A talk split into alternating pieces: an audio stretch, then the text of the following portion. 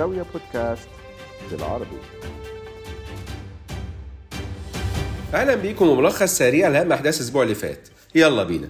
الجمعة اللي فات الرئيس الأمريكي جو بايدن وصل شرم الشيخ في مصر عشان يحضر قمة المناخ كاب 27 ويلقي كلمة في المؤتمر واللي أعلن فيها أن الولايات المتحدة إلى جانب الاتحاد الأوروبي وألمانيا هترصد حزمة بقيمة 500 مليون دولار لتمويل تحول مصر للطاقة النظيفة. لكن بايدن طار بعد الخطاب على طول لاندونيسيا اللي استضافت مؤتمر ال G 20 ولكنه سبق شوية علشان يقابل الرئيس الصيني شي جين بينج على هامش قمة مجموعة دول العشرين في بالي. ده يعتبر أول لقاء من نوعه من ساعة تولي بايدن منصبه الرئاسي من سنتين تقريبا. في وقت توتر الأجواء بين الدولتين الأكبر اقتصاديا في العالم بسبب مواضيع كتيرة زي تايوان وأوكرانيا والطموح النووي لكوريا الشمالية. الاجتماع استمر لمدة 3 ساعات و10 دقايق. ده حسب رويترز. المهم إن الرئيسين اتفقوا على إن الولايات المتحدة والصين متشاركين في المسؤولية وإنهم يختلفوا آه لكن يتصارعوا لا. بس يا ترى العلاقة بين أمريكا والصين شكلها هيبقى إزاي السنتين اللي فاضلين في فترة بايدن الرئاسية؟ وخصوصا إن تاني يوم الرئيس الأمريكي السابق دونالد ترامب أعلن من منزله في فلوريدا عن نيته خوض الانتخابات الرئاسية اللي جاية في 2024 ده في الوقت اللي الحزب الجمهوري فاز بأغلبية مجلس النواب يعني 218 كرسي من أصل 435 بعد فوز النائب الجمهوري مايك جارسيا اللي تم انتخابه في ولاية كاليفورنيا. بعدها رئيسة مجلس النواب الأمريكي نانسي بيلوسي أعلنت يوم الخميس إنها مش ناوية إنه يعاد انتخابها لقيادة حزبها الديمقراطي وإن كانت هتستمر في عضوية مجلس النواب. بلوسي صاحبة ال 82 عام قادت الحزب الديمقراطي داخل مجلس النواب لقرب ال 20 سنة وهي أول امرأة بتشغل منصب رئيس مجلس النواب. ده غير إن الحزب الجمهوري فاضل له كرسي واحد كمان في مجلس الشيوخ عن ولاية جورجيا هيتم تحديده في انتخابات الإعادة يوم 6 ديسمبر إن شاء الله. لو فاز بيه مجلس الشيوخ هيبقى 50 جمهوريين و50 ديمقراطيين. لكن التحول في السيطرة على مجلس النواب من الحزب الديمقراطي للحزب الجمهوري هيخلي مهمة بايدن إنه ينفذ أجندته الطموحة من خلال الكونجرس شبه مستحيلة. مع احتمال تعقيد المفاوضات حوالين مواضيع زي سقف الديون وتمويل الحكومة. المهم بايدن أصدر بيان هنى فيه النائب الجمهوري كيفن ماكارثي من كاليفورنيا وده زعيم الأقلية في مجلس النواب وهناه على فوز الحزب الجمهوري بما إنه بقى زعيم الأغلبية دلوقتي وبالتالي المتحدث الجديد لمجلس النواب. لكن نتيجة الانتخابات النصفية في الولايات المتحدة ما جاتش زي ما كان متوقع والموج الأحمر ما كانش عالي للدرجة دي. ده غير إن الجمهوريين كانوا مدعومين من ترامب خسروا في الانتخابات. يعني أمريكا دلوقتي منقسمة بين الجمهوريين والديمقراطيين بشكل كبير. ونروح لتركيا. اليوم الحد اللي فات اتفاجئت بانفجار قنبلة في إسطنبول وبالتحديد في شارع الاستقلال بميدان تقسيم. ومع إن مفيش أي جهة أعلنت مسؤوليتها عن الحادث لكن تركيا ألقت باللوم على مسلحين اكراد واعتقلت الشرطة قرب ال 50 شخص بينهم سوريا مشتبه فيها إنها هي اللي زرعت القنبلة. من ناحيته حزب العمال الكردستاني وقوات سوريا الديمقراطية اللي بيقودها اكراد نفوا تورطهم في التفجير.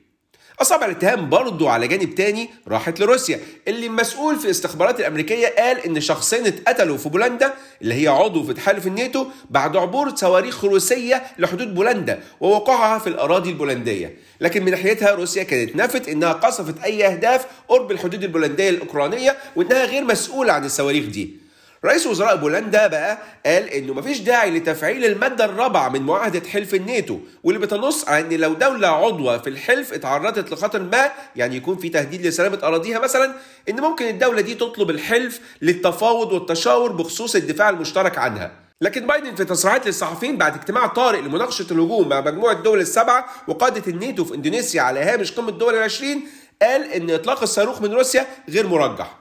المهم إن في الآخر مسؤولين كبار في حلف الناتو قالوا إن الصاروخ من المحتمل يكون سلاح سوفيتي الصنع لكن أطلقوا نظام دفاع جوي أوكراني وإن مفيش دليل إنه تم توجيهه هناك عن قصد. لكن الأمين العام لحلف الناتو قال إن دي مش غلطة أوكرانيا وإن روسيا برضه تتحمل المسؤولية النهائية لأن كل ده نتيجة مباشرة للحرب المستمرة وإن أوكرانيا أكيد ليها الحق تسقط الصواريخ اللي بتستهدف مدن والبنية التحتية الأوكرانية. على جانب آخر موسكو وافقت على تجديد اتفاق مع أوكرانيا وتركيا والأمم المتحدة بيسمح بتصدير المنتجات الزراعية الأوكرانية من خلال منطقة البحر الأسود اللي بهدلتها الحرب الدايرة. التمديد ده بيتجنب إغلاق تاني للاتفاق من جانب روسيا بعد انسحابها لفترة قصيرة من الصفقة أواخر الشهر اللي فات. ونروح لإنجلترا اللي التضخم فيها ارتفع لأعلى مستوى ليه من 40 سنة ووصل ل 11 واحد من 10% على أساس سنوي في أكتوبر. ارتفاع التضخم جه مدفوع بالزياده في تكلفة الطاقة محليا وكمان أسعار الغذاء والمشروبات غير الكحولية. وإن كان قلل من التضخم انخفاض أسعار السيارات المستعملة. من ناحيتها حكومة المملكة المتحدة أعلنت يوم الخميس عن زيادات كبيرة في الضرائب وخفض الإنفاق. علشان تبقى أول اقتصاد غربي كبير يبدأ في تقليل الإنفاق بشكل حاد بعد سنين من الحوافز المالية المتزايدة خلال فترة الوباء ودعم الطاقة اللي فات. ده تحول كبير تاني في السياسة الاقتصادية للمملكة المتحدة خلال شهور بس. بعد ما رئيسة الوزارة البريطانية السابقة ليستراس كانت أزعجت أسواق المال باستهدافها النمو عن طريق خفض الضرائب اللي كان هيتم تمويلها من قروض أكتر. لكن رئيس الوزراء الحالي ريسي سوناك خد السياسة الاقتصادية في الاتجاه الثاني عشان يقنع المستثمرين إن المملكة المتحدة جادة في تحجيم الديون الحكومية المتزايدة. لكن هل ينجح ويجنب الاقتصاد البريطاني دخوله في مرحلة ركود؟ عالميا بقى منظمة الأوبك اللي هي الدول المصدرة للنفط خفضت توقعاتها لنمو الطلب العالمي على النفط للسنة دي وللسنة الجاية. أوبك خفضت توقعات النمو السنة دي ب 100 ألف برميل ل 2.5 مليون برميل في اليوم وخفضت كمان توقعاتها لنمو الطلب في سنة 2023 برضه ب 100 ألف برميل ل 2.2 مليون برميل في اليوم. كل ده لأنها بتتوقع إن نمو الطلب على النفط هيواجه تحدي من حالة عدم يقين متعلقة بالنشاط الاقتصادي وتدابير إحتواء كوفيد 19 والتطورات الجيوسياسية. وبكده أوبك بتتوقع إجمالي الطلب على النفط في اليوم يوصل ل 99.6 مليون برميل في 2022 و101.8 مليون برميل في 2023 في مصر وعلى هامش مؤتمر كوب 27 اللي بينتهي النهارده مصر كانت مضت عقود لإنشاء 8 مشروعات. هتنتج كل من أمونيا خضراء بطاقه إجمالية 4.8 مليون طن ممكن توصل ل 6.8 مليون طن. هيدروجين أخضر بطاقة إجمالية 2.8 مليون طن ووقود أخضر بطاقة إجمالية 850 ألف طن. بس المشاريع دي طبعا هتاخد وقت علشان يتم تنفيذها وفي بعضها مش قبل 2025 وده هيساعد على توفير فرص عمل في مصر اللي معدل البطالة فيها ارتفع ل 7.4% في الربع الثالث السنة دي مقابل 7.2% في الربع اللي قبله.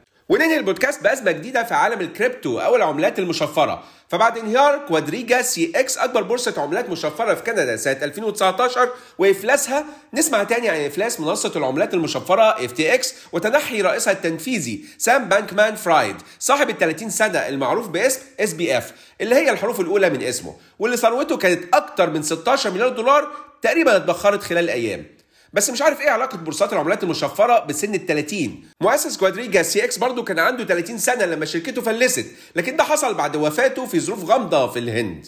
المهم FTX واحدة من أكبر منصات تداول العملات المشفرة واجهت أزمة سيولة كبيرة خلت عملتها هي نفسها المعروفة باسم FTT تنهار باكثر من 75% في يوم واحد. كل ده خلى Binance أكبر منصة لتداول العملات المشفرة من حيث الحجم إنها تتراجع عن عملية الاستحواذ على FTX. لسوء إدارة أموال العملاء في F اللي بدأت إجراءات طوعية خاصة بالإفلاس. هي وصندوق تداول العملات المشفرة التابع ليها Alameda Research وحوالي 130 شركة تانية تابعين ليها حسب الفصل رقم 11 في ولاية دلاوير المؤشرات الأولية إنه تم استخدام أموال الشركات لشراء منازل للموظفين في جزر البهاما من غير أي شكل من أشكال الوثائق الداخلية. وفي أوقات كتيرة كان SBF بيبلغ موظفينه بقرارات من خلال تطبيقات مراسلة كانت بتحذف رسائله تلقائيا. ده غير إن Alameda Research استخدمت فلوس عملاء FTX في تمويل تنفيذاتها في عالم الكريبتو. يلا ربنا يعوض عليهم. كان معاكم عمرو حسين الألفي من زاوية. تحياتي لكم. السلام عليكم ورحمة الله وبركاته.